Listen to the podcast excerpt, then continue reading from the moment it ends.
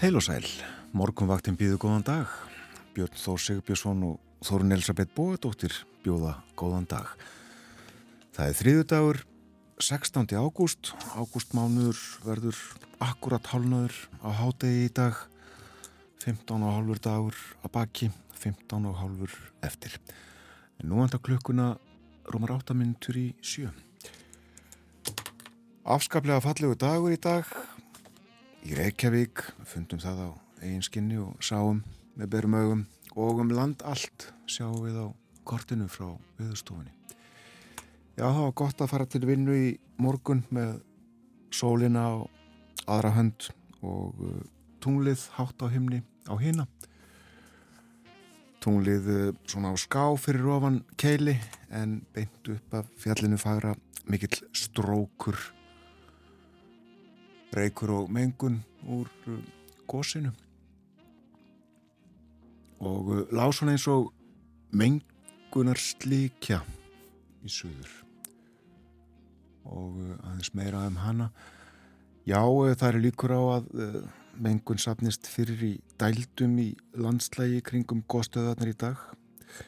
En uh, það snýst í suðvestan gólu það eru líkur á að gas fari yfir höfuborgarsvæðið en undir hádegi breytist áttinn og þá fyrir gasi til norðurs. Þess getur verið vart á vassleysuströnd. En það gís aldelis og uh, kominn myndarlegur gígur utanum sprunguna á góðstöðunum. Kraumar vel í og bublar og gís svo upp úr og raunnið rennur sína leið. En veðrið, já, fallegt en uh, svalt og bara mjög kallt semstaðar.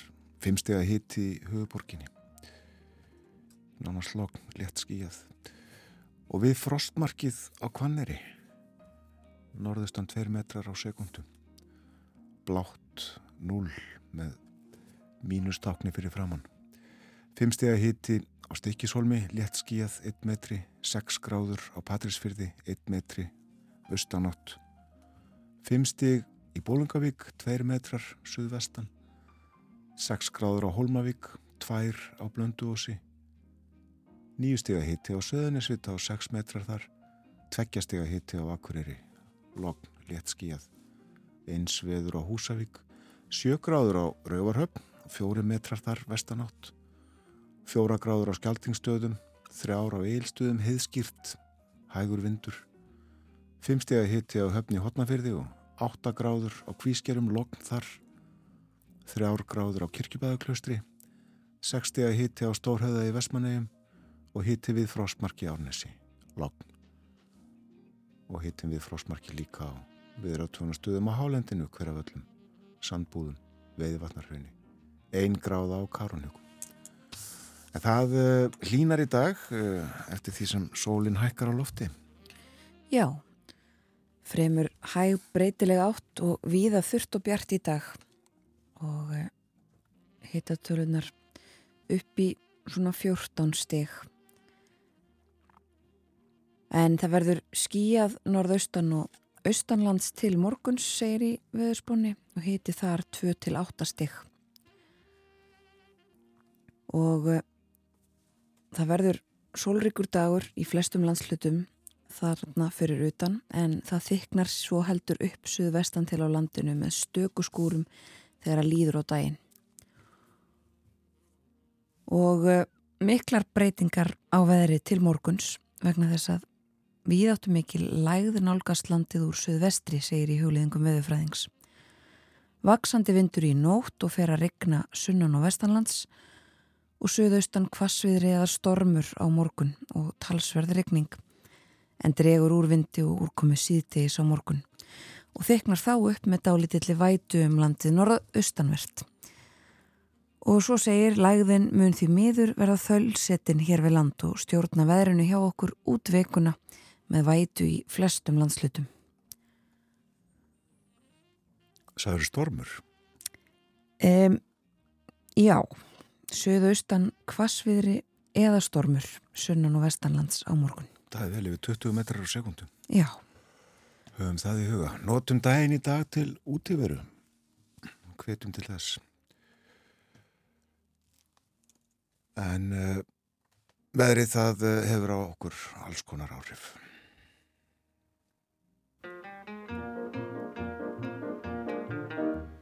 Dísa, hún er sveitastúlka, sæleg, rjóð og feit. Hún syngur um að nóla sem á búflið sitt á feit. Hún dansar allan daginn, svo dáttum allan mó. En þetta stökkur sinnum og það rópar Dísa ó. Hún rópar ó, ó, æ, æ, auðminga ég og aftur ó, ó, æ, æ, auðminga ég og ennþá ó, ó, æ,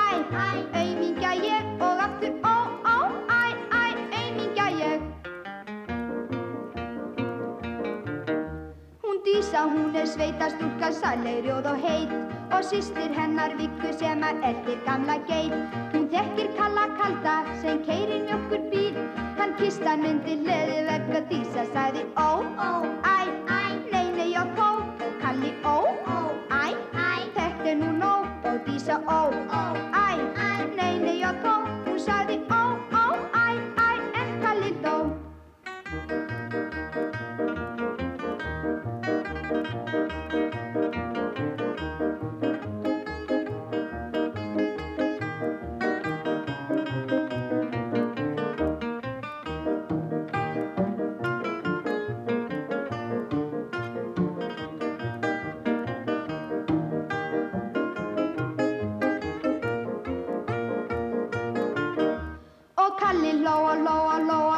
til hann dó. Að látri fannst á dísu heldur ekki komið nóg. En hlöðu vefnum undir, hún hýmir fram á nótt.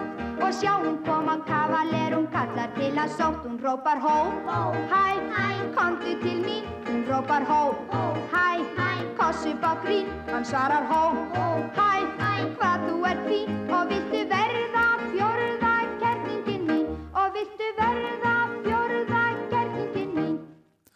Gerði Bendiktsdóttir, æ og auðmingja ég, hún söngut hérna á hljómblötu þegar hún var úlingur. Það er ímyndilegt að það skal hjá okkur á morgunvaktinni í dag. Þorðusnar Júliusson, Rittstjóri Kjarnansverður með okkur í spjalli um efnahag og samfélag upp úr hálf átta og eftir morgun fréttinar klukkan átta Berlinaspjall, Artúr Björgun Bodlason. Ímyndilegt fleira hjá okkur uh, líka sem við förum betur yfir á eftir en það stýttist í fréttinar, við fáum þær á slæðinu sjö.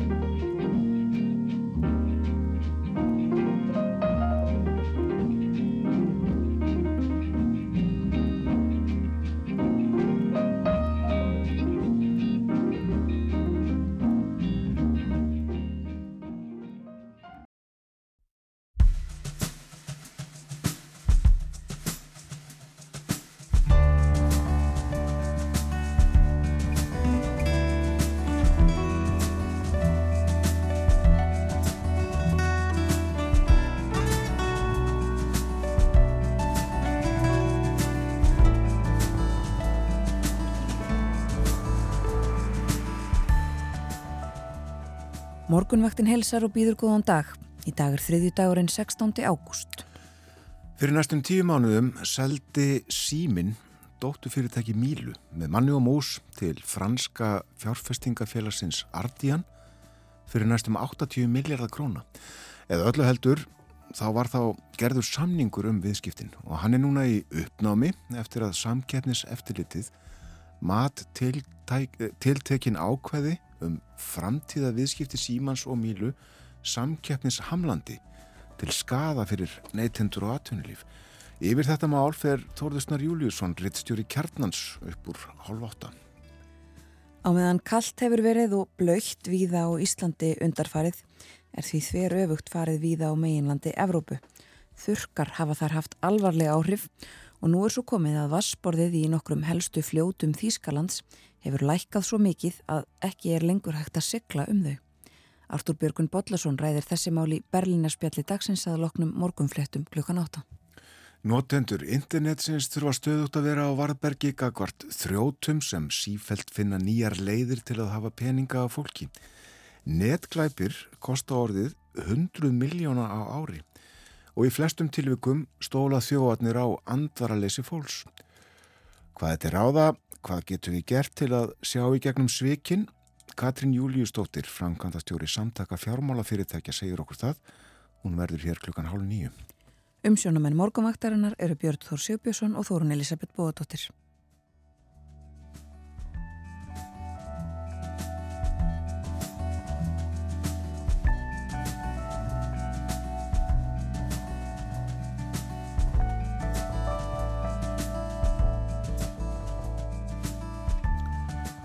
Einstaklega fallegu morgunum land allt og horfur góðar. Horfur eru góðar fyrir daginn viðast hvar. Sólríkur dagur framöndan í flestum landslutum en það þyknar heldur upp suðvestan til á landinu með stöku skúrum þegar að líður á daginn og eh, geti verið skíjað norðaustan og austanlands og hiti þar ekki sérstaklega hár 2-8 stig en eh, síðdegis í dag svo litið hlýra upp í 14 stig viða um land. Suðvestlega átt eftir hádegi og viða bjart en vaksandi suðaustanátt suðvestan til á landinu þegar að líður á kvöldið. Og morgun suðaustan kvassviðri eða stormur sunnan og vestanlands og talsverðrykning. Það er sem sagt eh, víðáttu mikil lægð sem að nálgast landið úr suðvestri. Og já, geta orðið 15 til 23 metrar á sekundu á morgun. En e, það er sunnan og vestanlands, e, annar staðar á landinu úrkomi minna og 8 til 13 metrar á sekundu. En þessi lægð sem að nálgast, e, hún ræður veðrinu, verður þölsetin og stjórnar veðrinu útvikuna. Og það verður væta í flestum landslutum sem fylgir þessari lægð. En sem sagt, gott að nýta daginn í dag, já, vegna þess að veðrið sunnan og vestan til gæti orðið ansi slemt á morgun. Akkurat.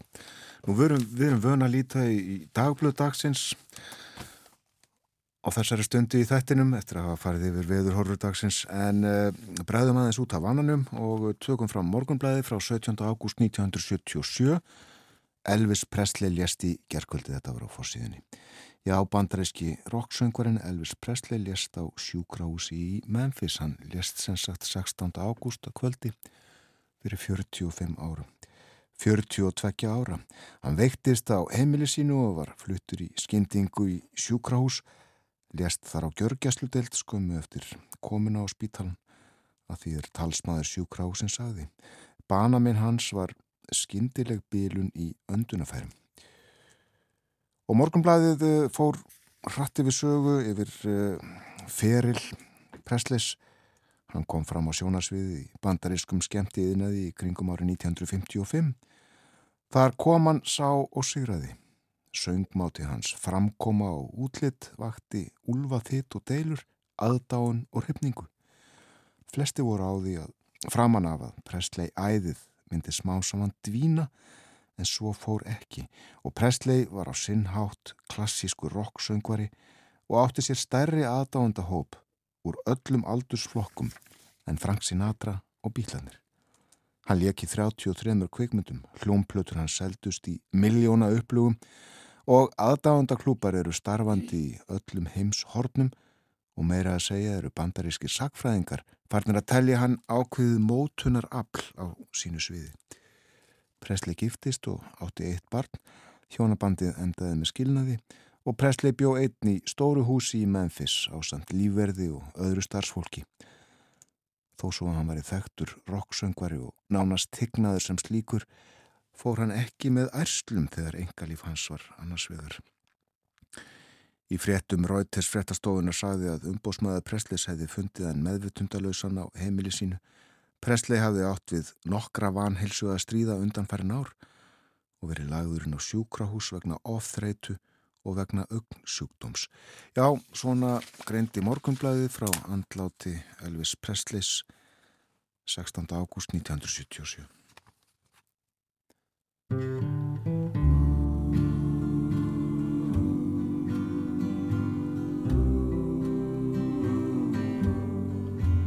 Are you lonesome tonight? Do you miss me tonight? Are you sorry we drifted apart? Does your memory stray to a bright summer day? when I kissed you and called you sweetheart. Do the chairs in your parlor seem empty and bare? Do you gaze at your doorstep and picture me there? Is your heart filled with pain. Shall I come back again? Tell me, dear, are you lonesome tonight?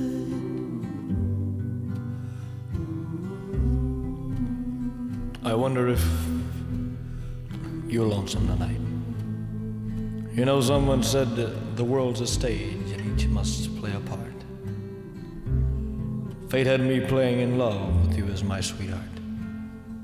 Act one was where we met. I loved you at first glance. You read your lines so cleverly and never missed a cue. Then came Act two. You seemed to change, you acted strange, and why I've never known. Honey, you lied when you said you loved me and I had no cause to doubt you. But I'd rather go on uh, hearing your lies than to go on living without you. Now the stage is bare, and I'm standing there with emptiness all around. And if he won't come back to me, then they can bring the curtain down. Is your heart filled with pain? Shall I come back again? Tell me, dear, are you lonesome tonight?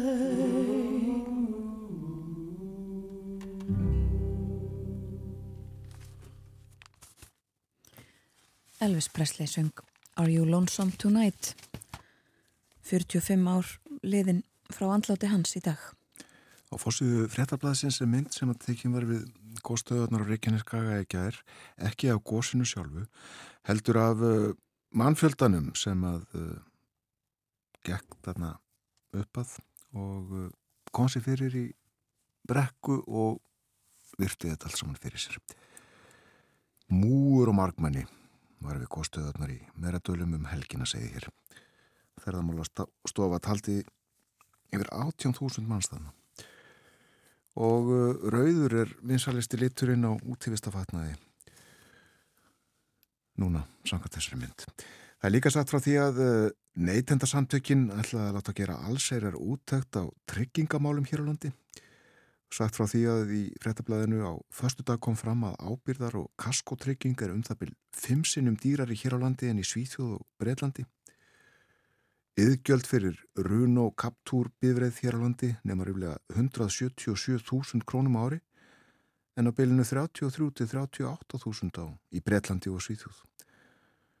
Það er munur. Og uh, rætt hér stutlega við formann neindarsamtökana Breka Karlsson. Hann segir að uh, svona úttækt kosti 12-15 miljónir og hann vonast til þess að ríkið og verkalisfélögin borgi komið allavega að því að borga takið þátt í því og segir þetta já, sé heilmikið mála að ráðast í svona úttækt líka rætt við Runól Ólason frangatastjóra félags íslenskra bifrið sem að segir yðgjöld bifriðatrygginga hér á landi óeðlilega há vegna fákjefni og hann átelur fjármála eftirlit Sælabankans fyrir að bregðast eftirlit skildu sinni með starfsemi og verðskrá tryggingafélagana Og hér er líka rætt við Hjálmar Sigurþórsson sem er frangandastjóri trygginga hjá TM. Hann segir það koma sér á óvart að svo mikill munur sé á yðgjöldum millir Íslands og Svíþjóður og Breitlands. Hann segir bótakerfi vegna líkamstjóns í Svíþjóð vera mjög frábriðið því sem er hér á landi og einnig sé bótakerfið ger ólegt, ólíkt í Breitlandi. Og morgunblæðið Graf alvarlegt ástand meðal auglækna segir hér í fyrirsögn. Auglæknar hafi verið samningslausir í fjögur ár. Ísland er ekki samkeppnishæft um nýja sérfræðilegna eftir sérnám Erlendis. Og það er rætt hér við Jóhannes Kára Kristinsson sem er auglæknir. Starfar á stofunni Augljús. Og uh, nú er svo komið að 59% starfandi auglækna á Íslandi eru yfir 60 ára gamlir og meira en helmingur þeirra sem eru eldri en 60 ára eru yfir 70 og fjallað ítarlegar um þetta inni í blæðinu.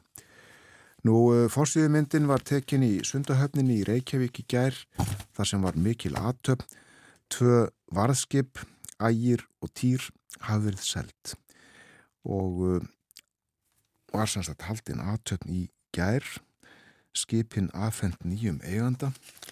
Og uh, það er fyrirtæki eða félag sem heitir Fagur EHF kemur nú ekki fram í morgunblæðinu í dag hvað þetta félag hyggst fyrir með þessu skip. En uh, ég les úr morgunblæðinu virðuleg hverju aðtöfn fór fram um borði í ægi og týr og tí þar sem fyrirverandi skipferjar dróðu skutfánan nýður og meðan starfsmenn landhelgiskellna stóðu heiðusvörð Georg K.R. Lárusson fórstjóri tók við fána ægis og áskrimur L. Áskrimsson, frangatastjóri aðgerðasviðs, tók við fána tís og þar með laug áratuga farsætli sögu skipana í þá íslensku þjóðarinnar. Ægir skipið var smíðað í Álaborg 1968, var í rekstri gæslunar til 2015. Ægir tók þátt í 50 og 200 bílna þoskastríðunum og Áhöfn hans beitti tóvíraklipunum frægu á breskatógara í fyrsta sinn 5. september 1972 og uh, varðskipi Týr var aðfendt gæstlunni mars 1975 og kom mikið við sögu í 200 mína þoskastriðinu klifti á tóvíra fjöldatógara bæði breskra og þískra skipi fór nær alveg á hliðina þegar breska freigáttan fálmáð sildi tvíveis á Týr og laskaði hann verulega löng og merkileg saga. Þetta var það helsta á útsíðum íslensku dagbladana. Og uh, aðeins á fórsýður blada annar staðar í heiminum. Byrjum á fórsýðun á New York Times í dag. Þar er uh, fjallaðum stöðumála í Úkrænu og Rúslandi rætt við fanga sem var í haldi rúsneskra yfirvalda í sex vikur uh, sex vikur af helviti er uh, fyrirsögnin. Um, og áhrifarík mynd líka frá Nikopól í Ukrænu eftir eldfluga árás sem þar var gerð en líka fjallaðum það að Ukrænum en þeir séu hægt en bítandi að ná til sín um, svæðum í söður hluta landsins þar sem að rússar hafa náðu völdum á undanförnum mánuðum. En uh, auðvitað ímislegt að gerast í Úkrænu og Rúslandi sem að uh, hægt væri að tellja upp og við heyrðum meðal annars af í frettum áðan. En líka fjallaðum bandarísk stjórnmálafórsíðun á New York Times. Rudy Giuliani uh, fyrverandi personulegur lögumadur Donald Trump uh, fekk þar upplýsingar í gæra hann er skotmark eða hann er svona aðal atrið í rannsókn yfirvalda í Georgiu þar sem að verður að skoða afskipti af fórsetakostningunum 2020 Giuliani mun bera vitni um uh, það hvernig reynd var að, að halda völdum eða koma uh, Trump þáverandi fórsetta vel í því ríki. Og uh, aðrar tengdar fréttir byrjast líka af því að uh, saksóknarar leggjast uh, og uh, dómsmálaráðunitið leggst gegn því að opinbera sagt, upplýsingarnar á bakvið þessa húslit sem að gerð var heimili Donald Trump í Flórida á dögunum. Ef að þeir yrðu að e, opinbera sagt, gögnin þarna á bakvið þá e, fengi Trump upplýsingar um hversu viðfem rannsóknin á þessum málum öllum saman er að þá eftir að koma í ljós hvað e, verður. Hvort að þetta verður ofinberað eða ekki. Breskublöðin þar uh, má sjá sumstaðar uh, mynd, það er hér mynd af tveimur flutningabílum á fórsíðun og Daily Telegraph fyrir utan Dáningstræti 10 vegna þess að Boris Johnson er farin þaðan. Hann er farin í frí til Greiklands og á meðan kemur annað fólk, pakkar honum og fjölskyldu hann saman og þau hafa yfirgefið dáningsræti ætlaði að vera einhver staðar, annar staðar uh, fram í september þegar að nýr leðtogi uh, tekur við bæði íhaldsfloknum og fórsettisráðara ennbættinu og það er líka fjallað um stöðumála í þessari baróttu þeirra Liz Truss og Rishi Sunak um það að verða næsti fórsettisráðara á bresku uh, fórsjónum meðal annars uh, haft eftir Liströss að hún muni berjast gegn sjálfstæði Skotlands. Nikola Sturgeon, fyrsti leðtögi, eh, fyrsti ráþæra Skotlands, eh, er á fullu í sjálfstæðismálum nú eh, sem fyrr og rætt við Tröss sem að segja að hún muni segja nei við beðnum skota um aðra þjóðuratkvæðagreislu um sjálfstæði. Og svo eru þetta fjallað um þessar fréttir sem við heyrðum í gær um nýtt eða uppfært bóluefni við COVID-19 sem var samþygt í Breitlandi og verður mælt með því að eh, um helmingur breyta verði fái sem sagt fjóruða bóluefnaskamtin í á næstu vikum. Og uh, svo er það þýsk málefni þau eru til umfyllunar viða í uh, í uh, Svíþjóði dag. Við ræðum þau þetta þegar Artur Björgum Bóllarsson verði með okkur hér eftir morgunfréttina klokkan 8. Það eru orkumálin sem eru uh, í brennendepli og rétt í lokin þá er umfjöldinu um þessa brú í norskum fjölmjölum sem að hrundi í gerðmorgun sem betur fer já það fór betur en áhorðist og hefði getað verið. En já, meira af erlendum fréttum síður á morgunvaktinni. Við hlustum á hana Elvis Presley, söng fyrir okkur. Það er í dagliðin 45 ár frá því hann lést. Við fjöldluðum heilmikið um Elvis hér um daginn til efni af uh, kveikmyndinni sem að síndir enn held ég alveg öruglega í kvimtahúsum myndin um Elvis og Bjarni Arason söngvari kom til okkar Eftir að hafa séð myndina saði bæði frá henni og Elvis sjálfum. Skulum hlusta á Bjarnar syngja lag sem Elvis söng á sín tíma. In the Ghetto.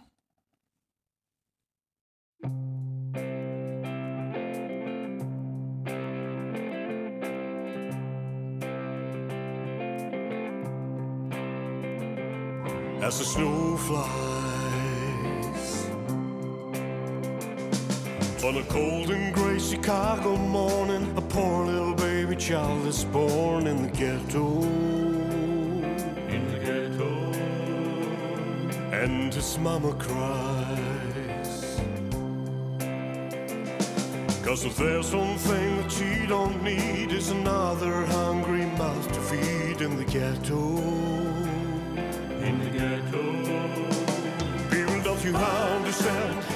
The child needs a helping hand, or he'll grow to be an angry young man someday. Take a look at you and me. Are we too blind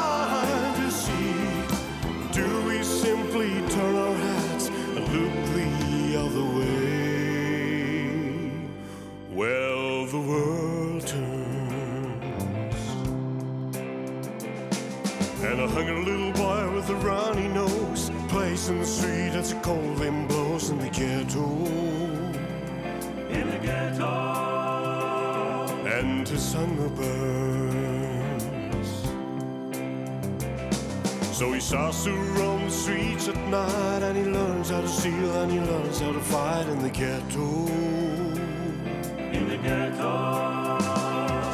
And then one night in desperation, a young man breaks away.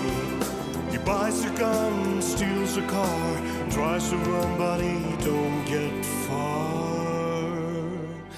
And his mama cries. As a crowd gathers round, an angry young man face down on the street with a gun in his hand in the ghetto. In the ghetto. As a young man On a cold and gray Chicago morning, another little baby child is born. In the ghetto. In the ghetto. And his mama cried. In the. And his mama cried. In the ghetto.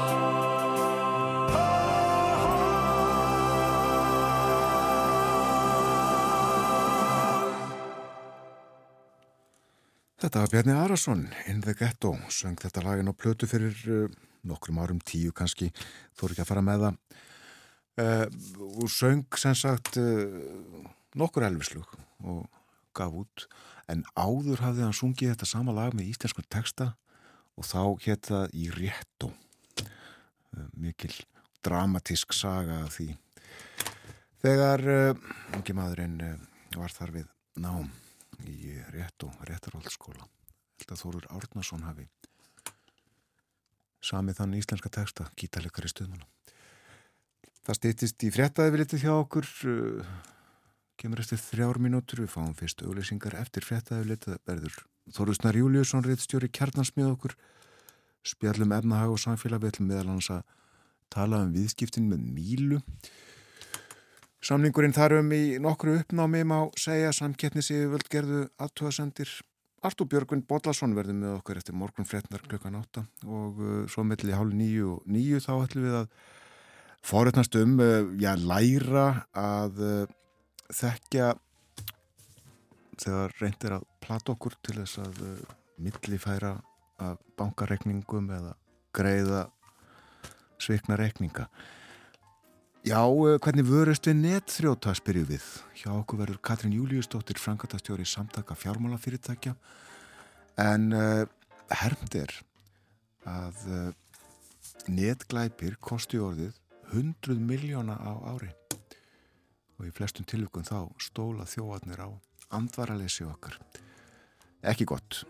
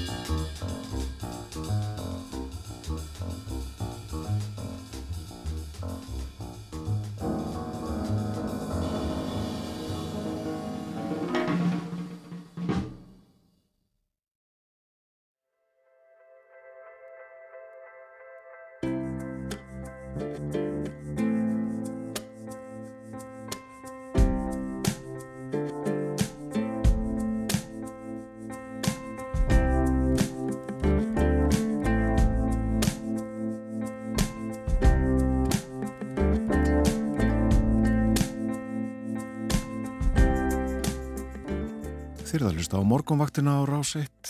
Það er þriðju dagur í dag, komin 16. ágúst, klukkan er réttilega halv 8. Umsjónamenn þáttar eins í dag, Þórun Elisabeth Bóadóttir og Björn Þór Sigbjörnsson. Við fylgjum ykkur til nýju.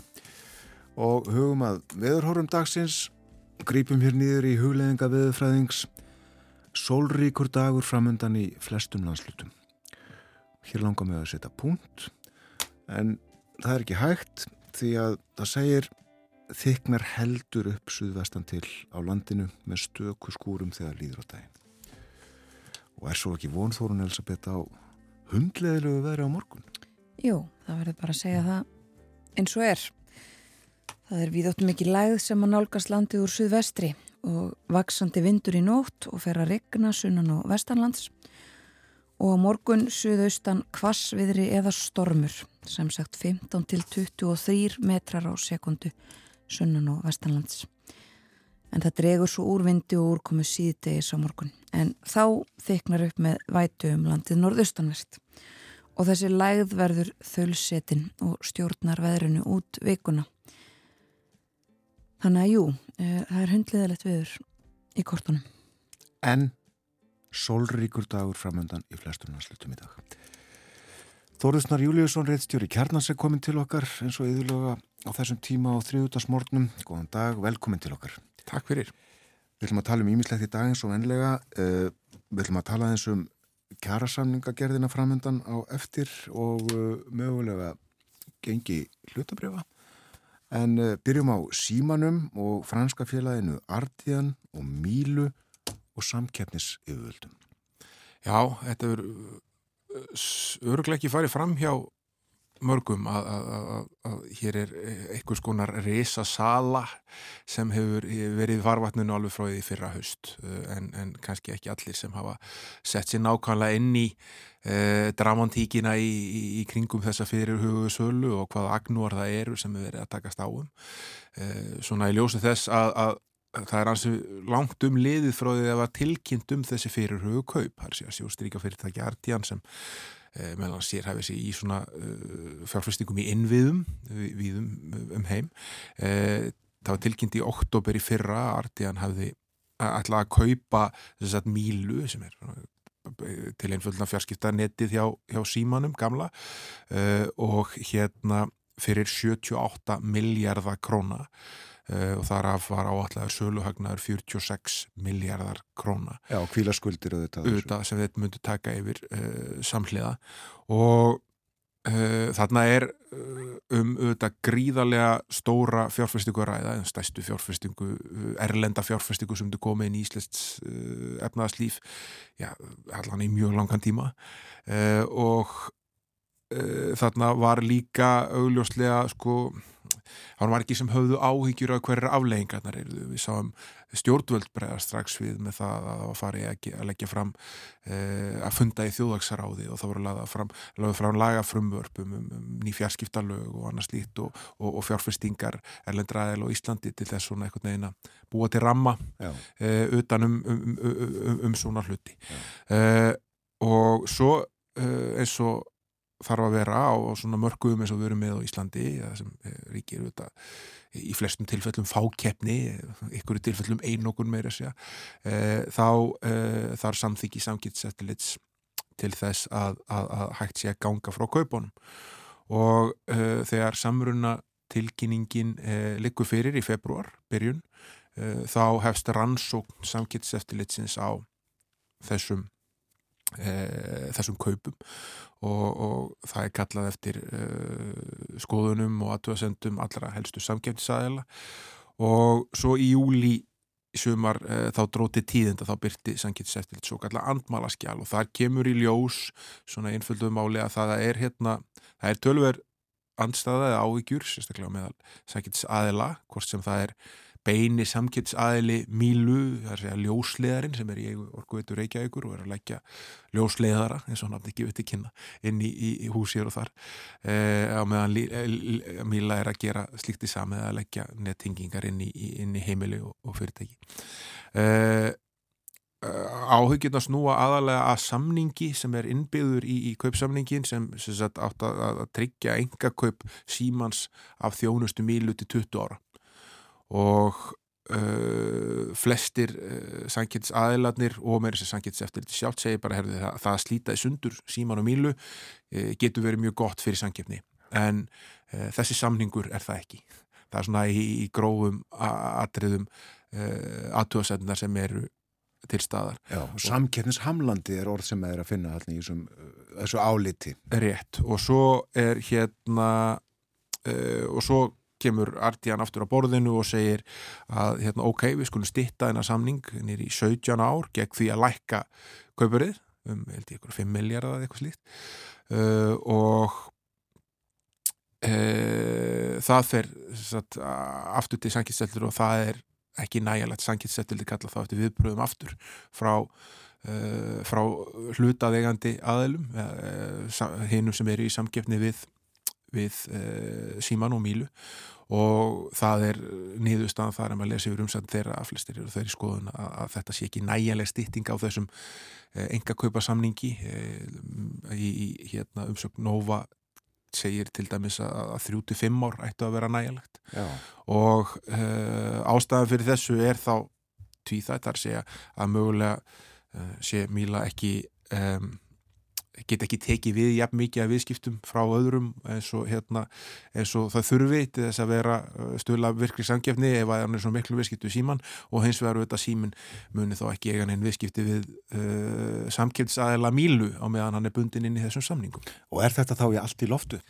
Já, það er enþá verið að reyna að finna botni í þessu og það eru viðræður í gangi og það búið að framlengja frest samgetseftilitsins til þess að reyna og, og, og, og þessar aðeins að koma að þessu um það að, hérna, að reyna að finna þennan botn til 15. september næst komandi og það verður svona vera að, að, að hérna, ef að samningurinn verður stittur þá myndir það þýða læra kaupverð, það er að þetta lækka ennfrekar kaupverðið uh, en á hinbógin Eh, er ekki tvíst að hlutafæri að stjórn símans uh, séu tilbúin í það.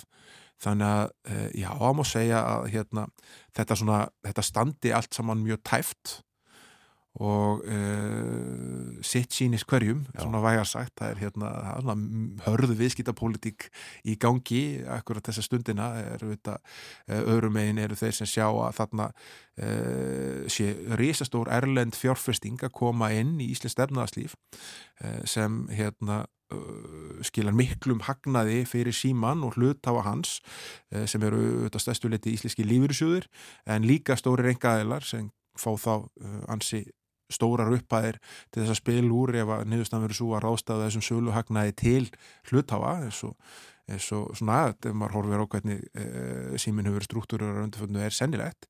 E, og svo hins vegar þeir sem hafa miklar áhyggjur af samkeppnis e, áhrifum þessara kaupa að þau geti orðið verulega neikvæð og auðvitað svo eru aðrir sem hafa einfallega áhyggjur af svona út frá örgisfossendum og svona þjóðhagslugum fossendum að þarna sé verið að selja mikilvæga innviði til uh, Erlends aðila og hérna og að það geti haft alls konar vandkvæði í förmessir þegar framlega stundir. Já, Artíðan eru ekkert góðgerðafélag, eh, það ætlar auðvitað að, að eh, hafa tekjur af mílu til þess að, að hérna borga upp kaupverðið Já, einhver, einhverjum árum og kannski ekkert mjög mörgum árum en uh, er einhverjar dagsetningar fyrirleikjandi um hvenar botn geti fengist eða fundist? Það er 15. september er fresturinn sem hérna, liggur fyrir núna uh, um þessar uh, frekari viðræður það er hérna, því að komið á framfari við fulltrúa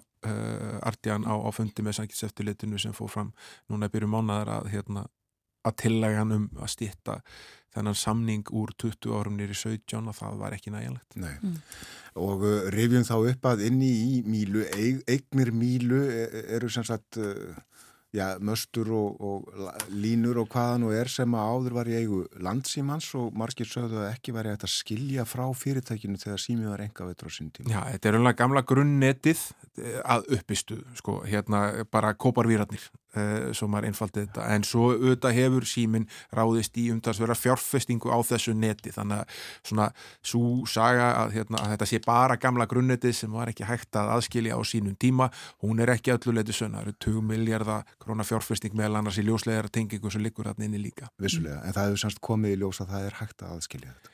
Já, það er nokkuð augljóst, þegar, allan, þegar hægt að selja það þá er hægt að aðskilja það. Já, og 15. september þá uh, næsti tímafrestur í þessu um, eða að færa okkur í annað sem að líka gerist nú með höstinu og það er kjærasamningar Já, það er uh, heldur betur frá að bresta á með, með, með, með uh, sábú og böru kjærasamningana uh, og við sáum auðvitað hérna uh, í síðustu viku það gerast að fórseti að þessi Drífa Snædal sagði uh, já, nokkuð óvænt að sér, sérstaklega svona kannski tímasetningin þótt að margir sem fylgjast náðu með þessu hafa átt að segja á því að hún sé búin að vera í hansi þröngri stöðu í sínu ennbætti í, í lengri tíma en uh, það er raunverulega eins og drífa lýsit í þá, þá hafi hún verið einhvers konar spenni treyju þar sé hún uh, nýtur ekki stuðnings uh, fórestum hann að stæstu stjættafélaga landsins í því að, að leiða ASI og, og, og þau hérna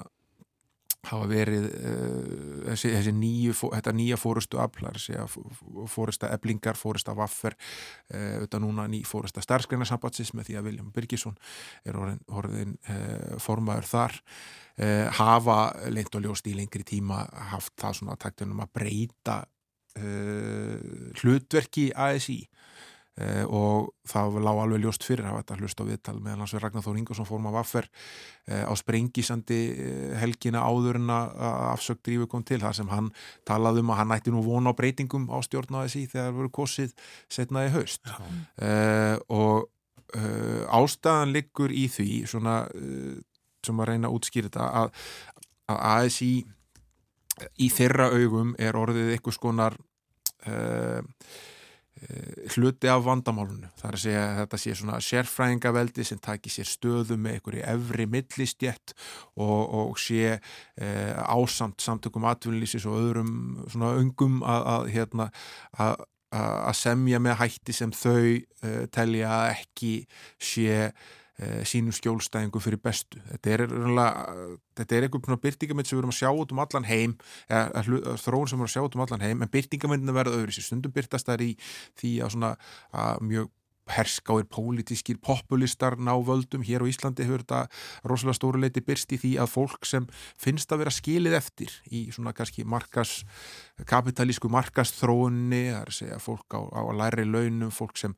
eh, kemur úr kannski er með erfiðar aðstæður og, og svo leiðis eh, að það e, finnst eins og hérna það séu allir aðeins alltaf að borða sífælt stærri sneiðar á kökunni á meðan það er skilið eftir þrátt fyrir að það leggji kannski finnist að vera að leggjast mest af örgum með því að sinna mikilvæg, mörgum mikilvægstu störfum í samfélaginu mm. þjónststörfum, unnunarstörfum, verkamannastörfum og framvegs og á bakinn á þessu rís e, þessi nýja fórust að upp og e, hún hérna telur að ASI sé, að fórust að ASI hafi e, ekki verið að ganga í takt uh, við þann veruleika sem þau hlutu sitt umboð. Og þess vegna sjáum við það gerast sem gerðist hérna í uh, síðustu viku. Og þetta er auðvitað hérna gefur svona smá nasa þegar því hver við getum átt vona á þegar samningar losna núna eftir örfa á mánuði núna er er hérna þetta, uh, við heyrum alveg svona uh, að öðru leiti er upptaktur þetta aldrei svo sami, við tölum stjórnvöld segja bara já það er aðalega vinnumarkaðir en þess að semja um sín vandamál og, hérna, og komast að niðurstöðu og svo mögulega getur uh, geta stjórnvöld komið að einhvern veginn undir lokin og stráð okkur í sigri yfir. Og samtök aðtunlýsins auðvitað gera slítið sama, tala um það að það sé ekki stjórnvalda að leysa þetta en, en hérna það sé aðeila vinnumarkaðar, það sé að fulltrúa aðtunlýsins og fulltrúa e, verkalýsins að komast að niðurstöðu Samanskapi byrtist skýsla þjóðarsráð sem segir að það sé ekkit sviðrún til launahækana og, og hér hefur verið gerið kannanir á meðal stjórnenda í atvinnlínu sem segja slíkt í sama. Og, og þá veltum maður fyrir, fyrir sér um það hvað þá e, þeir sem eru e, telja sig e, ekki ná endum saman og fulltrúar þeirra eigi þá að semjum ef það er ekkit sviðrún e, og ef maður horfir á síðustu kjæra samninga, það sé að lífskjæra samningana svo kullu sem voru gerðið 2019 uh, þá uh, var kynntur pakki, stjórnult koma borðinu með pakka sem ráðherrar sögðu þá var 100 miljardar króna verði Já. Uh, alls konar aðgerið í húsnæðismálum sem er reyndar hafa sem hverjar bara alls ekkit komist á kopp meðal annars, meðal annars hérna, skipulag og uppbygging í keldnakverfinu sem er orðið svona eitt, endur nýtasta kostningarlofur og öllum stjórnsýstu stegum sem hérna maður manniðil eftir. Uh, og, e, svona, og sumt sem hefur auðvitað raungerst e, hérna, ný, ný, nýjar tegundir af lánum sem hérna, átt að bjóðast þeim sem voru með minnst á milli handana fyrir útborgunum og svo framvegs e, þannig að hérna fordæmið úr þeim samningum eru auðvitað til staðar að þar kom ríkið að með mjög stórum og, og umfóksmiklum hætti að minnstakosti eða eiginsögn til þess að svona högva á hnútin, auðvitað voru aðstæður þá það er að hér hafi flugfélag farið á hausinn uh, í aðdraðan þess að það var samið. Þetta var alveg bara sama tíma og áer brotlendi með, með miklum látum og með tilherandi áhrifum á, á efnaðslíði en það verður nú uh, líklega ekki sagt að hérna, eða sent sagt að, að aðstæður í, í atvinnulegu núna sé neinn uh, venjulegar eða eðlilegar þegar við erum með mjög háa verbolgu og við erum að koma út úr uh, þessu koronaveiru tímabili sem auðvitað enginn sá fyrir og, og hérna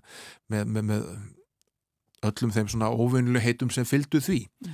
þannig að hérna ég held að, að uh, já, við allan að fjölmjölfólk sem þurfum að fjallum þetta og fylgjast með þessum ættum að fara að spenna beltin, þetta verður örglar úr sípanni Já, og uh, þing ASI þarna miðbygg oktober eða 10. oktober uh, sko, þú nefndir það áðan mitt Ragnar Þór uh, formað að vaffer svona, var farin að spá þessu þarna í viðtali sko eru þau þá uh, þessi hópur þar innan uh, með kandidat á takteginum, vitum við eitthvað hverjir verða þarna í fórustu í oktober?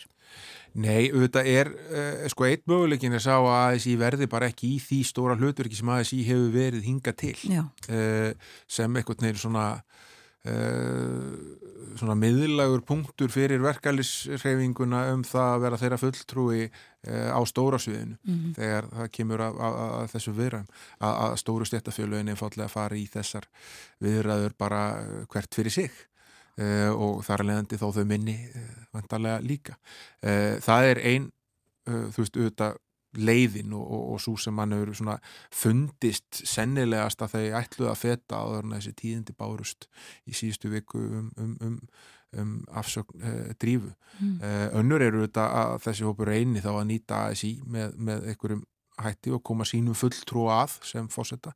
Við sáum uh, hérna hafa gerð könnun, Gallup gerði könnun uh, fyrir sem eru ekki byrt neina niðurstöður úr en það sem augljóslega ykkur, já, áður en að drífa sagði að sér, það sem ykkur var að kaupa þá spurningu að hérna, hver væri, hver, hverjum viðkomandi tristi best til þess að vera næsti fósiti ASI og þar var spurt um nokkur nöfn uh, og þar var meðal annars spurt um Drífu, þar var spurt um Ragnar Þór það var spurt um Sólvöðan Jónsdóttur það var spurt um Vilján Birgisson og það var spurt um Kristján Þór, nú er þetta star, uh, starfandi fósita ASI þannig að hérna uh, svona meða við reynsluna af því hvernig svona spurningar byrtast í, í, í spurningavagnunum hjá Gallup þá er nú sennilegt að, að einhver hópur á baku einhvern þessar einstaklinga hafi keft þessa spurningu og, og látið framkvæma þessa könnun. Veistu hvað niðurstaðan var? Nei, hún er ekki verið byrt með nynum hætti. Við bara einfallega uh, urnuð fyrir því láni á Rittsjóðnarskjöfstofum kjarnas að einn, einn starfsmæður lendi í spurningavagnunum og við sáum þessu spurningu.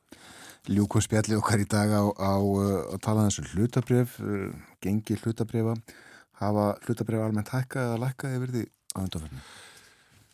Já, það fer eftir hvað tímbil út að horfa á.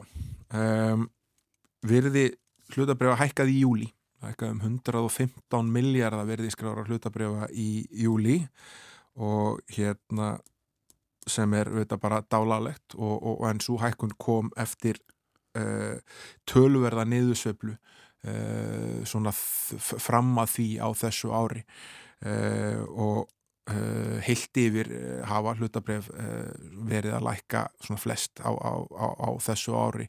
Þar er, er, er, það rosalega mikið drefið áfram af miklum lækkunum á langstæsta félaginu í kaupullinu sem er Maril sem hefur hérna verið vel undir væntingum á árunni og, og, og gaf frá sér ákomi viðvörun núna í aðdraðanda síðastu uppgjörs.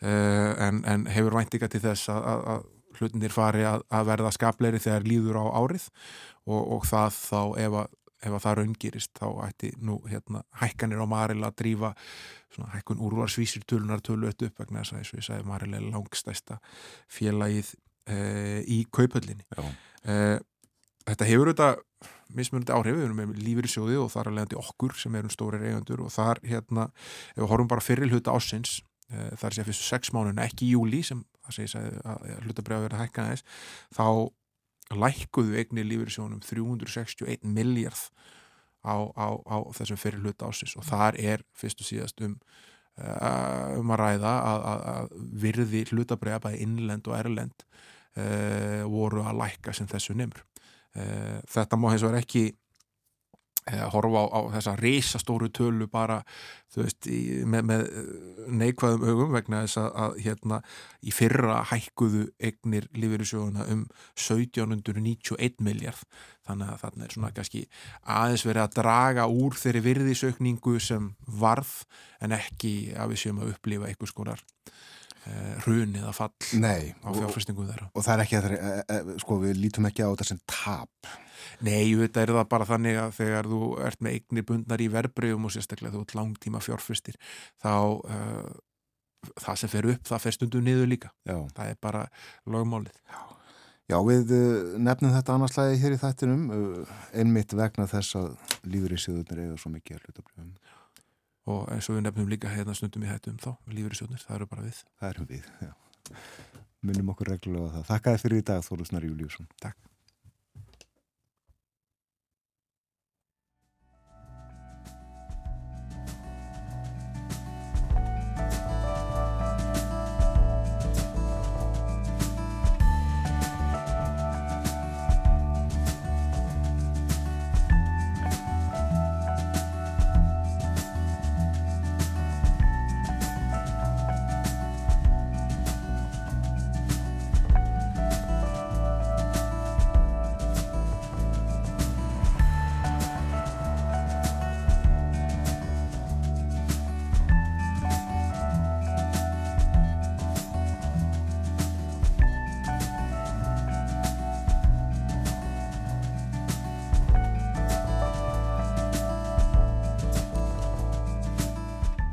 Þórðusnar Júliusson Rittstjóri Kjarnalslaupin út í daginn, út í góða veðrið.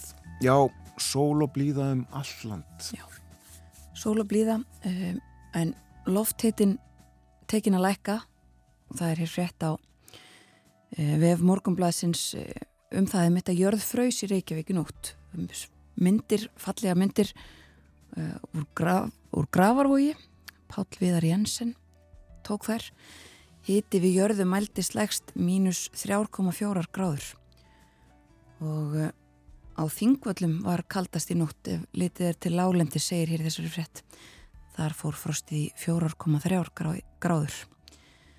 En líka talsvöst um næturfrost á hálendinu. Kaldast um öðrudali veiðivatnajökul og dingjujökul. En það línar með deginum og uh, fallett viður. Já. Hér eftir fréttinnar sem að koma eftir 5 minútur verður Áttur Björnum Bodlason með okkur talar frá Berlín og uh, hann ætla nú að tala um tvent engum. Já, veðrið kemur við sögu í Berlínaspjallinu. Já, það er þessi hitabilgja sem að hefur verið á meilandi Európu uh, og það er nú bara eiginlega ekkert gott við hana. Nei, við uh, heyrðum að þessu líka í fréttunum í gær, þar var fjallað um, um Ítalju þurkar þar sem farnir að hafa áhrif á uppskeru og ýmislegt. Og þetta er líka svona í Þískalandi þurkarnir uh, valda ekki bara gróðureldum og ymsum uh, fleiru. Það er ekki náðu mikið vatn í ymsum fljótum. Það er farið að hafa áhrif á fluttninga Já. Artur Björgun ætla líka tala um þýska pólitík, gerir það að Ólafi Sjóls kanslara fjárstötum hann var í Óslo í gær, fundaði þar með fórsættisráður um Norðurlandana. Og uh, milli hálf nýju og nýju þá spyrjum við uh, hvernig vörunst við netþrjóta, þessa þrjóta sem að reyna að hafa okkur peninga með því að plata okkur á internetinu. Katrín Júliusdóttir, Frankatastjóri samtaka fjármála fyrirtækja svarar því.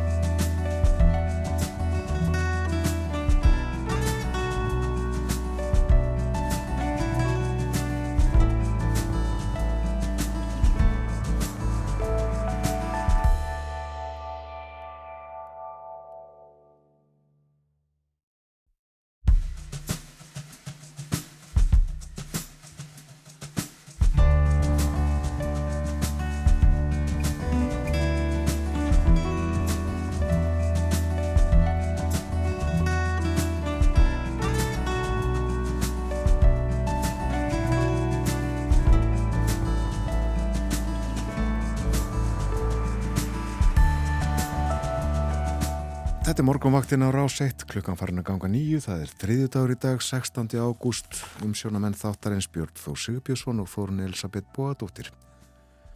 Fínt veður á landinu öllu og uh, hlínar eftir því sem líður á morgunin.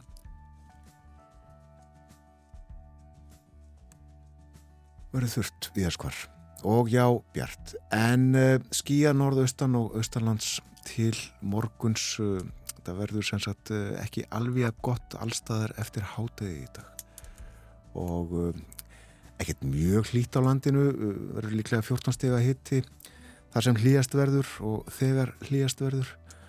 Og um að gera njóta dagsins njóta þess að vera útundi berum himni í dag vegna þess að það verður leðilegt viður og morgun hundleðilegt 20-25 metrar á sekundi af eitthvað svo leiðis Já, svo við þreytumst ekki á að segja það um að gera njóta dagsins í dag, úti við. Í Berlín er Artur Björgum Bollarsson, heil og sæl, góðan dag. Góðan daginn. Við ætlum að tala um veðrið, eh, það hefur verið, eh, gott veður, það er kannski ekki rétt á orði til að nota, eh, það hefur verið feikilega hlýtt í Þýskalandi og víða á meginlandi, Evrópu og ja, þessu fylgja hálgerar hörmungar.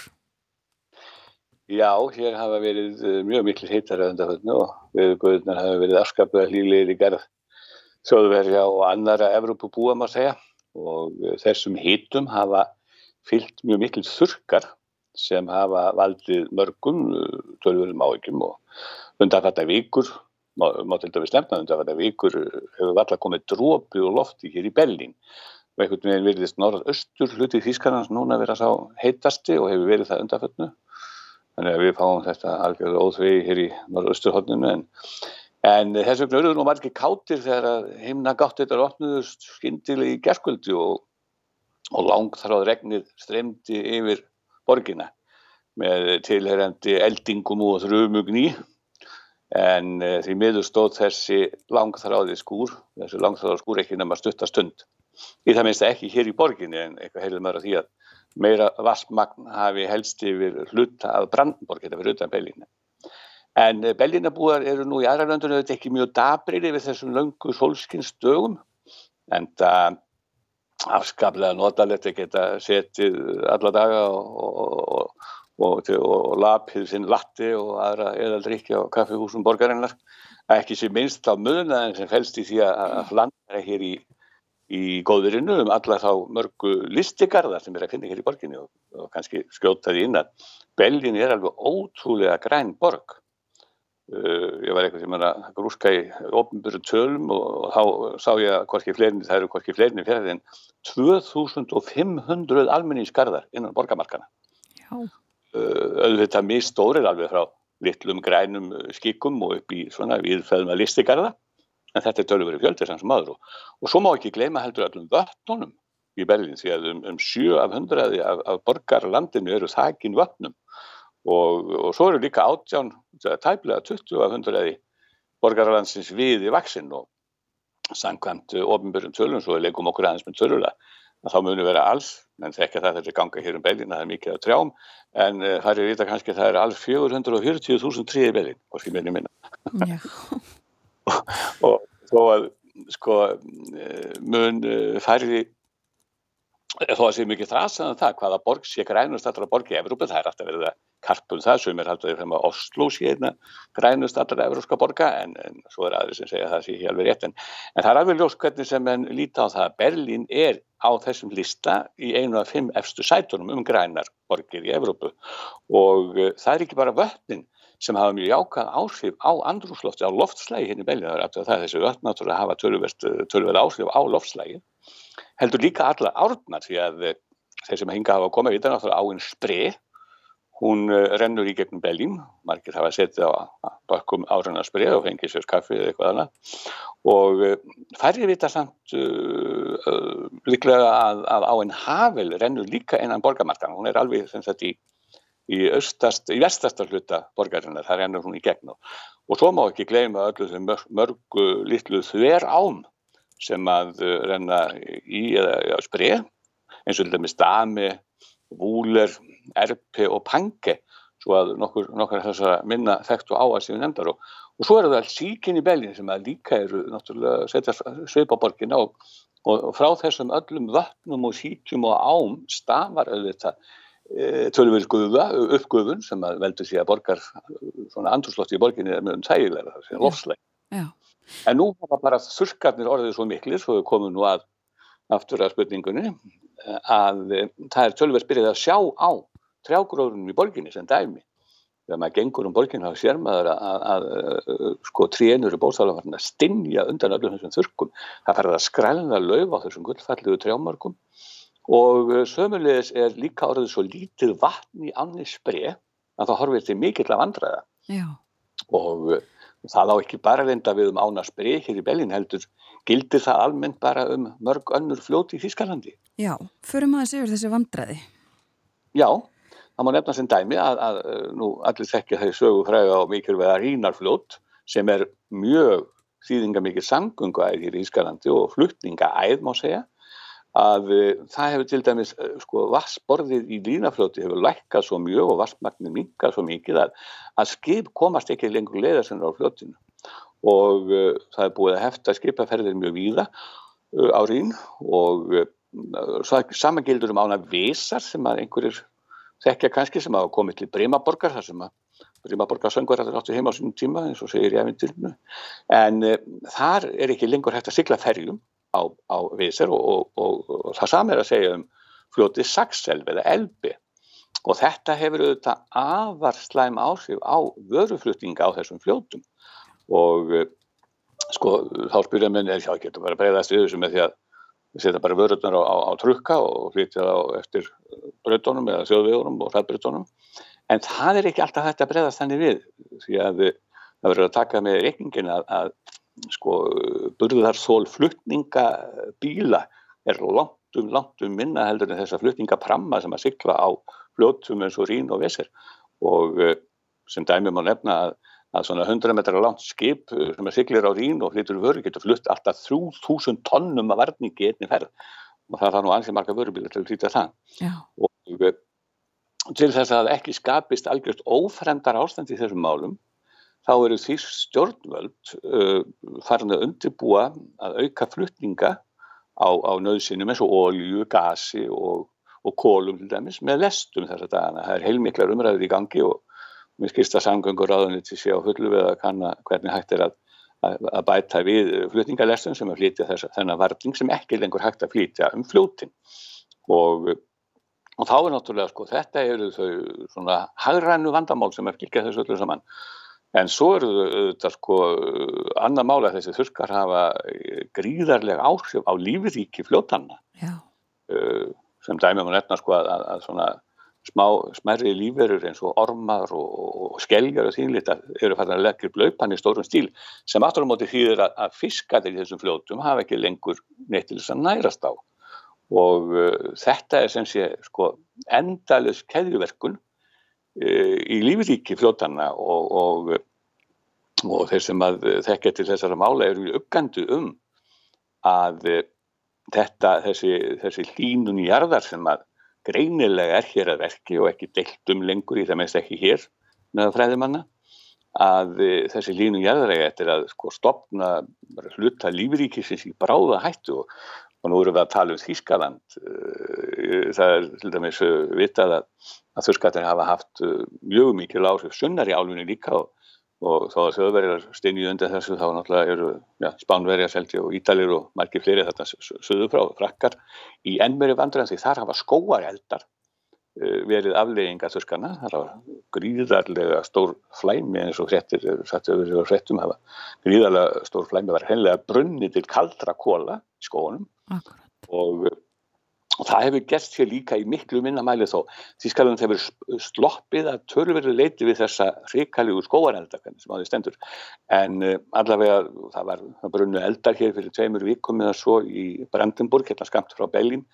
En, uh, en það er eiginlega allt og sund. Það hefur ekki mikið, það var ekki miklu skóareldabrunni í Þískalandu. En þeir, þeir eru náttúrulega, það er alltaf verið að vara við þeim og þeir geta komið hvernig sem er þannig að, að allir þeir sem að um þessi málvéla eru nú hættir að skora á stjórnvöld bæði fræðimenn og vísindamenn og aðrir að, að fara nú að grípa í taumana áður en það verður um senan en þar eru ímisljónu veginu vegna þess að það má kannski nefna það líka að svona ytri aðstæður eins og ja, árásastriðið rúsa í Ukrænu til dæmis Já.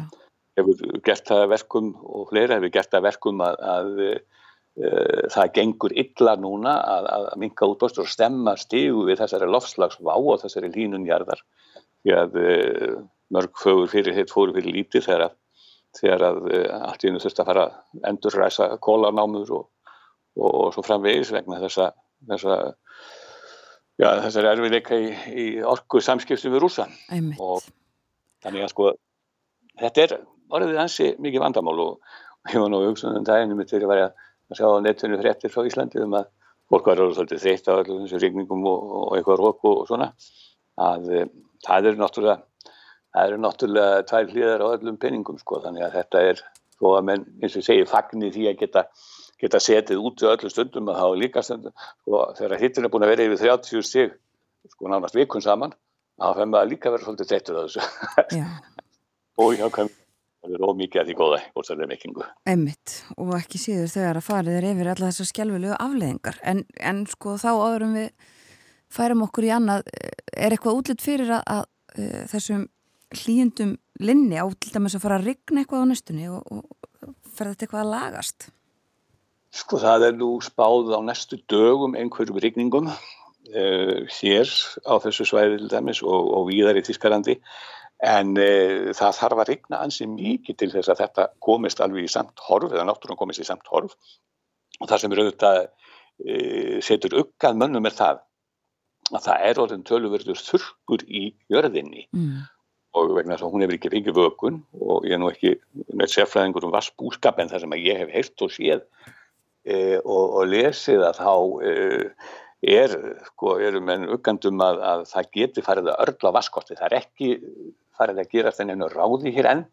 Þó eru dæmum það í einhverjum borgum í Suðuþískalandi að það farið að skamta eða með svona takmarka vatna einhverju leiti. Ég heldur að það farið að loka stað fyrir vatna á nóttunni og svona. En, en það eru þetta það óttið sem að setur, það setur það nóttað mönnum að, að það geti orðið vart ef það hættir sko ef það kom ekki al, sko, meiri hátta rigningar þá getur orðið vall við vasskort og hann er þetta, það er ekki að orðlenga það hann er skelvilegur og, og þegar hann bætist náttúrulega við þessar kvartningar stjórnvalda núna með mennsi ekki allt og lengi styrtu og, og farið varlega með, með, með orku vegna ástansins í orkumálum sem að vingarlega má reykja eins og ég segði til mm. ástansins í samskiptunum við rúsa þá, þá er þetta svona svolítið skuggarleitt en, en auðvitað það eru í kortónum einhvers konar ríkningar á næstunni, ekki alveg næstu dögum en þetta á eitthvað að skána þegar að framlýða stundir. Já, já, já. En uh, færum okkur í annað, við ætlum að tala eins um uh, pólitíkina í Þískalandi. Uh, við höfum talað um nýju efru lestamiðana sem að þú og fjölmargir aðrir íbúar Þískalands hafa nýtt sér í sömar. Þetta er orðið deiluefni. Já, já, það er nú rétt að bæði og margir og flest, mjög, mjög margir þau verður saman nýtt sér þessa, þessa, hérna, þessi fríðindi. Því það er auðvitað búið að vera mjög notalið því að geta farið fyrir nýju efrar á mánuði um, sko, bæði um borgir, allar borgir og svo með lestum sem fara út fyrir borgirna til dæmis.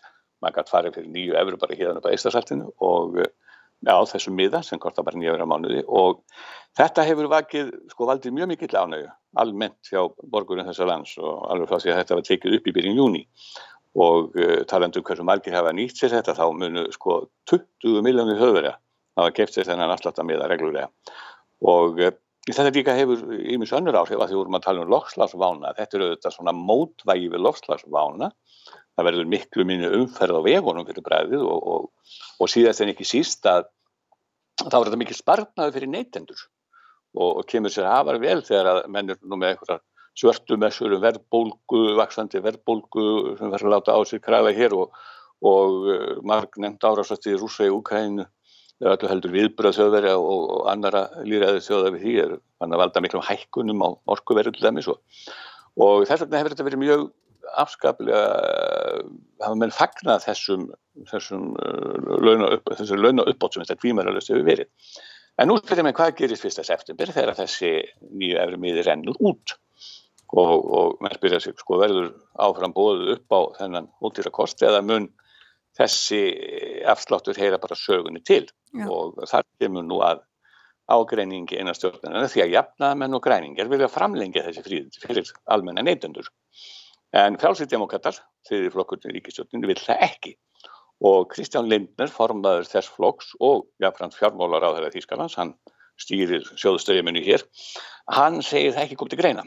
Og uh, hann var gaggrindur harlega fyrir þá dögunum að hann saði að þetta væri svona eitthvað svona ókeipis hugarfar uh, sem að myndi á kröfu manna um borgaralögn og, og svo fremins, hann talaði mjög svona niðurendum það, mér vildi fá allt ókeipis og uh, hann heldur því fram líka að þessi fríðindi komi fyrst og hennst íbúum borgarn eða góð en ekki þeim sem búa í dreifbílinu þessi rauksend þegar hún farið svo litið fyrir brjóstuðamönnum það var nú ekki að grína því hér í einhvern skópsætti í sjónanbyrnu fyrir fóðunum dögum að að þetta var einkernilegt því að það væri að tala um að sumsta væri til dæmis engir stræti, engir svona rútubýra á ferð á milli afskektar byðarlaga og sínlitt og, og þá sagði einhverjir þá ekki eins og að taka það það bara upp heldur en að henda uh, nýju efra miðunum fyrir bræði í súgín sko.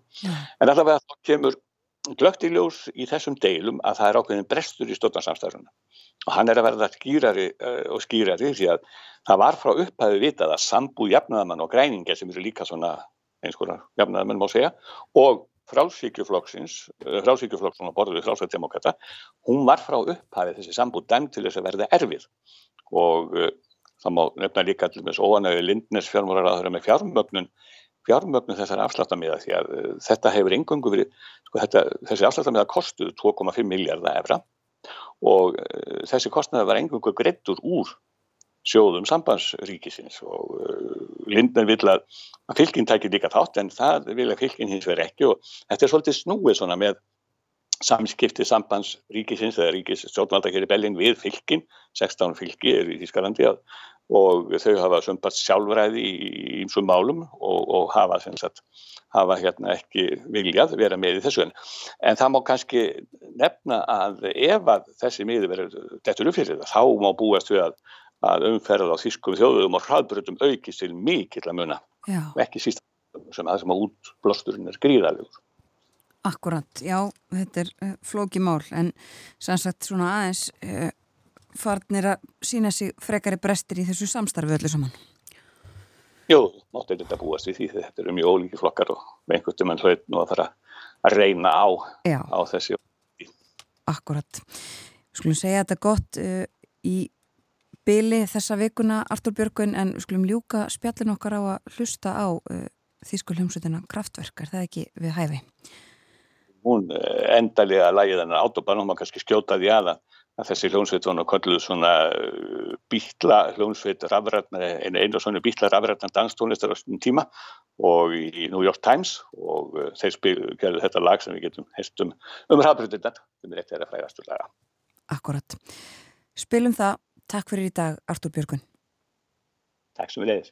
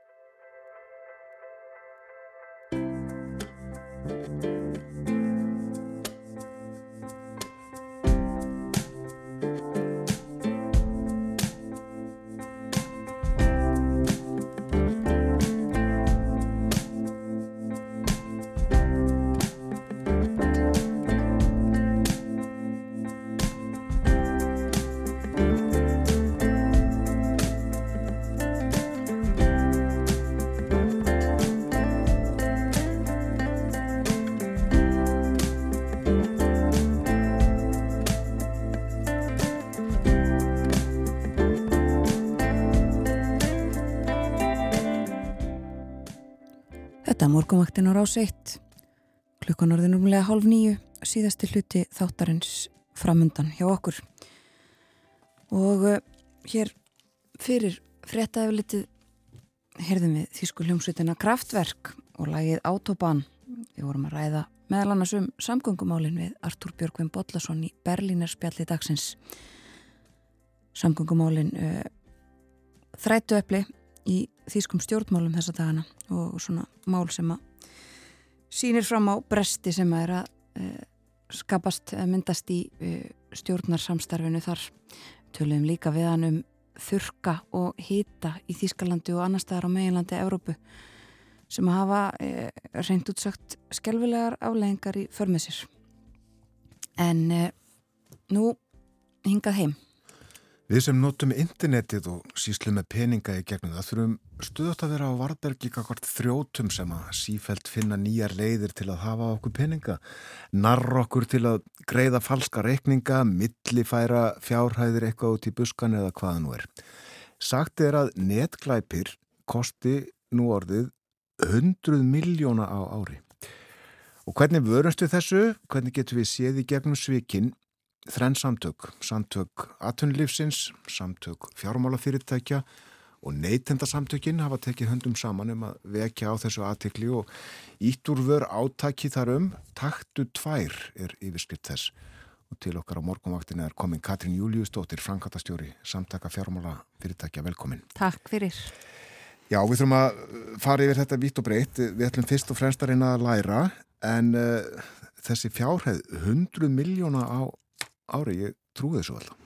Jú og þetta er örgulega bara toppurinn á ísekanum vegna þess að það er svo mikið af þessu sem er ekki tilkynnt og við erum með upplýsingur um að þetta séu cirka frá 2017 um 1,6 miljardar sem að hafi beinlinnist tapast og það eru, það eru hérna, fjárhæðar sem hafi verið tilkynntar til öruglu og því miður er það þannig að þessu fylgir líka skömm að því að við svona gerum grína þessu hvað, þú veist, hver er að gefa upp upplýsingarna sínar á netinu og við tölum svona svolítið um þetta eins og þetta sé, maður sé einhver, einhver kjána hafa fallið fyrir þessu Já. en það er út af því að hér í fyndinni og líka í dag að þá sjáum við rosa mikið af þessu svona illa þýtt hérna, svika tilraunum sem við flissum og hlægjum að það sem að menn heita skrítnum nöfnum og segjast fyrir að frændiðin frá, þú veist, að, lögmaður eitthvað látins frænda eitthvað stær í landi sem að þú tengist ekkert.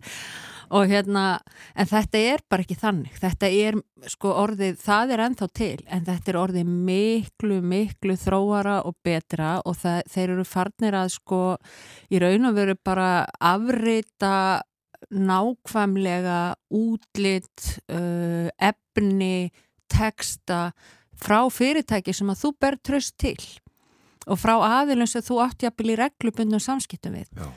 og það er það sem er orðið svo hættulegt og, og þeir eru líka bara eh, farnir að þau, ég ætla nú ekki að kannski að kengjera þetta, farin að sko farin að, að komast eftir leitavélarnar þannig að þeir eru slærðinn hérna, fyrirtæki sem eru þú ert í viðskiptum við jafnvel reglulega í staðin fyrir að setja inn slóðina slærðu inn nafni á fyrirtækinu smelli svo bara á linki sem kemur efst. Já. og þá kannski vantar staf eða það er linkurinn er eitthvað tengilinn er aðeins öðruvísi. Já og svo kemur inn á þetta umhverfi sem þú þekkir og byrjar að gefa upp upplýsingar. Þú veist, þetta er bara orðið rosalega vel útfært og það skiptir svo mjög mála við síðan á Varbergi Förum aðeins nánar yfir þetta. Og nefnum þá í fyrsta lagi að, að, uh, þetta er ekki innbrot í heimabanka eða eitthvað slíkt. Uh, þetta snýstu um það að plata þig. Já og er, þetta snýst um að plata þig. Og það sem að þeir stóla á er og, og það sem er bara þekkt er að það er sérstaklega farið í þetta á tímum það sem er líklegt að þú sért svona kannski utan við þig eða ekki alveg var um þig. Sumar, uh, jólafrí kringum hátíðir uh, sömu leiðis ef þeir vita að það eru skiplasbreytingar hjá fyrirtækjum þá hafa þeir stundum herjað inn á fyrirtækin að þetta er ekki bara við sem þetta snýst bæðum okkur sem einstaklinga í okkar eigin lífi en líka okkur sem starfsmenn hjá fyrirtækjum og þannig að, að þetta er, þetta er uh, úthugsað þetta er bara, ég menna þar sem peningar eru þánga fara glæpamenn og núna eru peningarnir í hennu stafræna heimi Já. og þetta, þetta verður bara betra og betra og við þurfum bara að vera á varbergi. Það voru svona vassmerki á, á peningasælunum. Við sjáum nú ekki mikið en segla en er ekki hægt að koma neinu slíku við á þessar síður. Já, þú, það sem er kannski best að gera og það er ástæðan fyrir átaki heiti takt tvær. Það er að við, þegar við fáum leiðbynningar um að gera eitthvað, eigum að, eigum að ef við fáum til dæmis send, send til okkar, það er einn tegund af, af, af glæpum, ef við fáum eitthvað send til okkar að fara mér vandlega yfir er tengilin í lægi. Þú veist, vantar stafian, uh, ég fæ tölvupost frá Amazon sem er að segja mér að hérna, eitthvað sé að gerast og ég þurfa að, að slá eftir einn reikningsnúmer eða, eða kreditkortanúmer. Og þeir senda mér ekki frá að gmail til dæmis. Uh, myndu ekki gera það raunverulega fyrirtækið. En ég hef fengið þannig til dæmis og, hérna, og það, það var alveg samfærandi þánga til ég skoðaði hver sendandi var. Og svo spurja mennir hægt að sko eitthvað neina að breyði yfir það hver sendandin er? Já það er hægt, það er að láta hann heita eitthvað annað. Uh, þannig að þá felur netfangið en þú felur það samt ekki það vel að þú getur hægri smelt á það eða þú getur eins og sért að fara að framsenda postin þá getur þú séð hver slóðin er hjá viðkomandi. Það snýstum að fara í gegnum svona atriði, skoða slóðina og svo er það stundu þannig að þeir eru kannski með nafnið á fyrirtækinu fremst í slóðinni, svo kemur punktur eitthvað, punktur kom þú veist, þetta, þetta er, er margt svona sem að við bara þetta snýstum að gera á, að því að veist, eins ömurlegt að það er að þurfa að vera tortrikinn ég er til dæmis eina þeim að ég vil bara svona mín svona grunnstilling er að trista að þá er gott í þessum tilfellum þegar að byrja að byggja um upplýsingar um þig að þá sértu svona hæfilega tortrikinn. Já, akkurat. Er eitthvað hægt að gera annað heldur en að hvetja fólk til þess að hafa varan á sér? Það er náttúrulega bara nummer 1, 2 og 3 vegna þess að tjónið er oft bara verður, getur verið stórt fyrir þig persónulega. Þannig að nummer 1, 2 og 3 og þá skiptir máli að hafa varan á sér. Það er ekkert að vakta internetið. Það er, heyrðu, svo er nefnilega annað líka. Jú, jú, það er, ne, það er aftur, þá erum við komin inn á svolítið erfiða brautir og það er að sko, ef við tilkynum, það er líka mikilvægt að tilkynna og þá eru til dæmis Sertís er neturíkisveitin íslenska, þeir eru í, mjög mikið góðu tengslanetti ellendis og það er alveg hægt ef þú, ef þú sérði einhverja reyfingu að þá er hægt að vara viðinni og það er hægt að taka síður niður.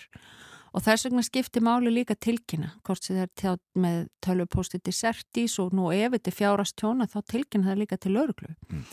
uh, vegna þess að, að þá ert að hjálpa öðrum og þú ert að ná að stoppa.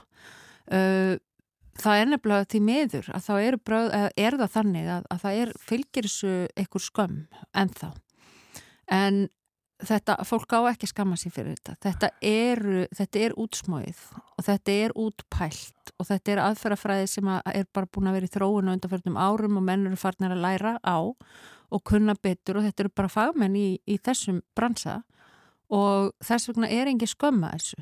Og við hvetum til þess að fólk tilkynni. Og líka ræði þetta. Já, einmitt. Já, annars með skömmina, sko, það, það er erfitt ofta að, að, að viðurkenna að hafa látt platast Já. Já. En uh, eru þetta vondir? Ég hef, hef lendið í ekki með, með fjárasupsingar en, en ég var beðin um að senda símanúmer Það var bara kona sem ég vann með fyrir mörgum árum sem skrifar, er hérna úr, frá hennar reikningi, ertu hæ, mjög vel skrifaður póstur, komma, ertu til að senda með símanúmerið þitt. Og ég hugsa, mm, langt sen við höfum talað saman, þú veist, uh, nýr sími, eitthvað og bara sjálfsagt sendir mér símanúmerið.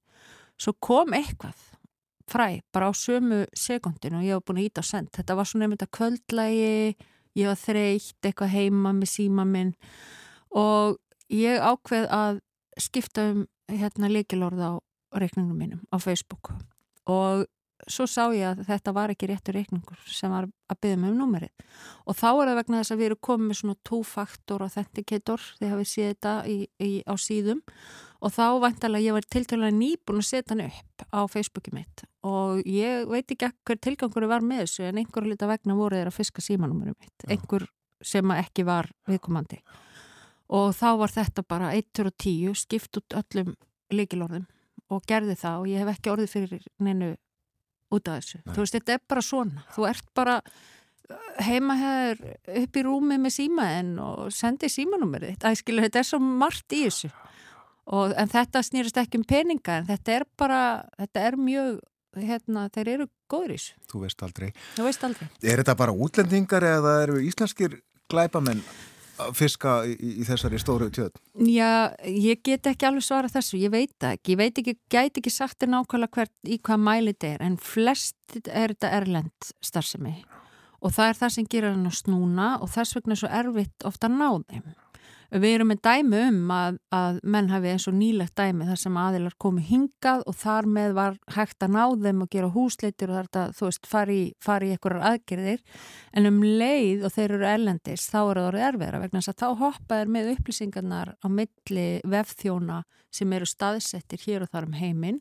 Og svo kemur bara einhverju landi sem að vill ekki deila svona upplýsingum og þar með bara stoppar í raun og veru hérna slóðin og það er það sem er snúið við þetta. Og þess vegna skiptir máli að um leið og þú telur, þú horfið orðið fyrir því að einhver hafi fengið upplýsingarna einan með ólematum hætti að frista kortið nummer 1, 2, 3, bara strax hafa samband við viðskiptabankaðinn og, og sjá hvort að hérna, eitthvað tjón hafi orðið eða fá aðstofið að reyna að ná því tilbaka eða stöðva fæsluna og, hérna, og svo tilkynna það stöðva fæsluna, þetta er ekki alltaf glatað fyrir ef ég eh, greiði óvart einhvern falskan reikning eða millifæri um, Því miður of oft er það glatað fyrir en hins vegar þá er það er alltaf möguleiki. Og ég, hérna, þess vegna er um að gera reyna það en í það minnst að frista korti til að tjóni verði ekki meira. Tökum tvær. Hérna, förum betur yfir þetta og, bara enn einu sinni, ég held að það sé ekki oft gert að, að, að hérna svona gefa góð ráð til fólks. Já og ég líka annað bara með langar svona segja sko að, að endilega skoði þess að síðu, taktu tvær og ef að það eru fleiri aðferðir sem að þið vitið um sem ekki eru þar inni bara að senda okkur post og láta okkur vita og að því við viljum búa þarna til bara svona góðan aðganga góðu efni þar sem að, að hérna, þú getur séð aðferðirnar og líka hvað, hvað best er að gera í þeim. Uh, síðan er það hérna uh, og svo líka tilkynna og eins og til dæmis líka bara vinnuveitundur, hvort sem er á litlum eða stóru vinnustöðum, tak, að taka umræð um þetta. Það eru nefnilega svik líka sem beina spenlinis að fyrirtækjum og starfsmannum fyrirtækja. Það sem eru, það hefur verið brotistinn á vefþjónin og það eru tekin greiðslufyrirmæli sem eru eitthvað greiðslufyrirmæli sem eru koma með reglubundum hætti, eru bara svona hluta eitthvað rútínu uh, frá eitthvað fyrirtæki sem að þeir eru því viðskiptu við og það er kannski afrita bara nákvæmlega nefn og þú bara kannski spáur ekki dýða og greiði bara og þá ferða bara til, ferða til nettröta. Þannig að ef að þú til dæmis sér það að það er búið að breyta upp bankaupplýsingum eða einhverjum upplýsingum að þá takt upp síman og hringdu staðfestu símleiðis að þetta sé rétt. Það er að segja að þessum upplýsingum hafi verið breytt og það er íminnslegt svona og við erum að kveta til þess að þetta sé rætt og að, að yfirmenn ræði við sitt, sín, sitt sína starfsmenn, það séu verkferðlar og svo framvegs að þetta er ekki bara við heima, þetta eru líka við sem starfsmenn Já. og það er hérna líka mjög mikilvægt og bara opna umræðin um þetta vegna þess að þetta eru bara, þetta er þjófnaður. Við ræðum þjófnað innbrót alla aðra glæpi og við eigum að ræða þetta líka. Katrín, höfum við farið of bratt í netvæðingu fjármálakerfisins? Það tel ég alls ekki. Fjármálakerfið í sjálfur sér er mjög örugt sem slíkt. Það er aðalega bara ef að það er verið að búa til svona, hvað, hvað heitir þetta, fake accounts og hérna þar að segja hérna falsaðar síður og það er þar sem við þurfum að vara okkur. Það er verið að taka vörmerki sem við tristum og afrita í raun og veru frammendan á því og plataði þannig til að gefa upp uppsengar. En það snýst ekki um kerfið sem slíkt og það eru sem er það þannig að það eru mjög öflugir sérfræðingar á þessu sviði sem starfa innan bæði fjármálukerfis og líka annara stórfyrirtæki á fjarskiptamarkaði og, og það skiptir allt máli og þau eru mjög öflug og þau taka og geta stoppað svona rætt þegar svona kemur upp og við þekkjum það líka það verið að trubla starfsemi með eitthvað svona dietós árásum og og, og þar með eru til dæmis posar hafa leiði niðri en þau eru orðið mjög fljót í að stoppa það þannig að þú veist að, að svo kallega niðri tími hann er ekki mjög langur í dag. Þannig að það er líka þeim megin er fólk að eplast þannig að varnirnar gagvartissu er að verða betur og betri en ég menna stafræn, sta, þetta stafræna umhverju líka bara bylting í þægindum fyrir okkur og þjónustöð og við höfum bara hitt að láta þessa skúrka eðilegja það fyrir okkur. Við skulum bara taka á þeim í, í saminningu. Og taka tvær. Taka tvær og taka á þeim. Förum varlega að þakka þið fyrir að koma hinga á morgunvaktina. Takk hella fyrir. Katrín Júliusdóttir er frangatstjóri samtaka fjármálafyrirtækja sem með uh, samtökum atvinnlífsins og neytenda samtökunum hvetja til árverkni og ömdu til þessa uh, átags getur við kallaða, taktu tvær. Já, hugsaum okkur um, gumgjæðum þetta allt saman áður en við uh, veitum upplýsingar, gefum upplýsingar í talinu og gefum aðurinn við síslum eitthvað með bankareikningin okkar á netinu. Hér í gær þá töluðum við um Indland. Tilefni var 75 eh, ára sjálfstæðis afmæli Indlands og eh, með okkur í þættinum var Marja Helga Guðmustóttir, hún er jærfræðingur, bjó á Indlandi um skeið og kynntist landi og þjóð, talaði frá Breidalsvík þar sem hún býr núna starfar þar við háskólasetrið en uh, hún valdi fyrir okkur lag, indvest lag til að leika eftir samtala okkar í gær. Það var um svo margt að tala við náðum ekki að spila nema brotulæginu en við bætum úr því hér og nú og leikum lægið í heilt og uh, það hljómar einhvern veginn svona. he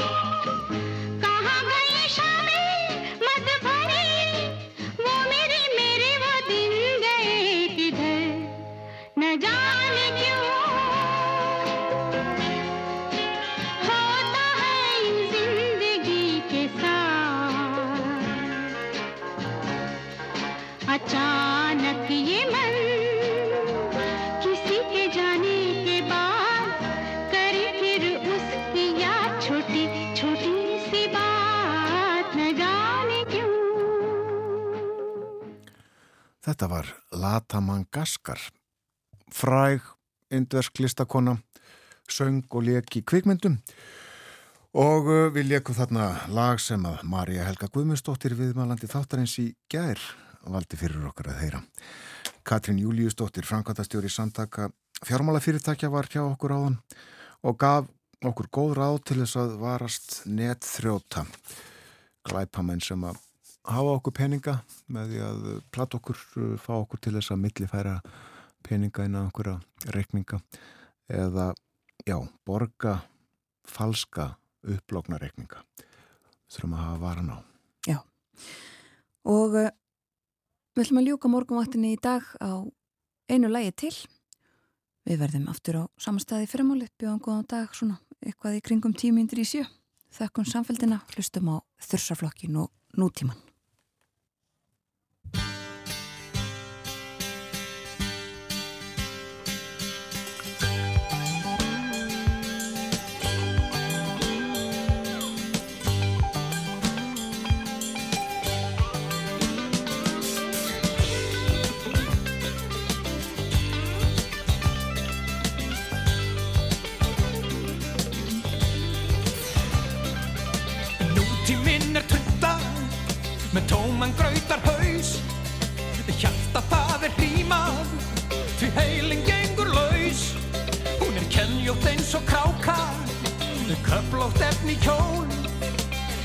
Kjarklaus eins og klerkur sem klifrar upp í stól. Mamma má ég sjá. Mamma má ég gá. Mamma má ég sjá. Mamma má ég gá. Svo er stokkið. Og svo er stokkið af stað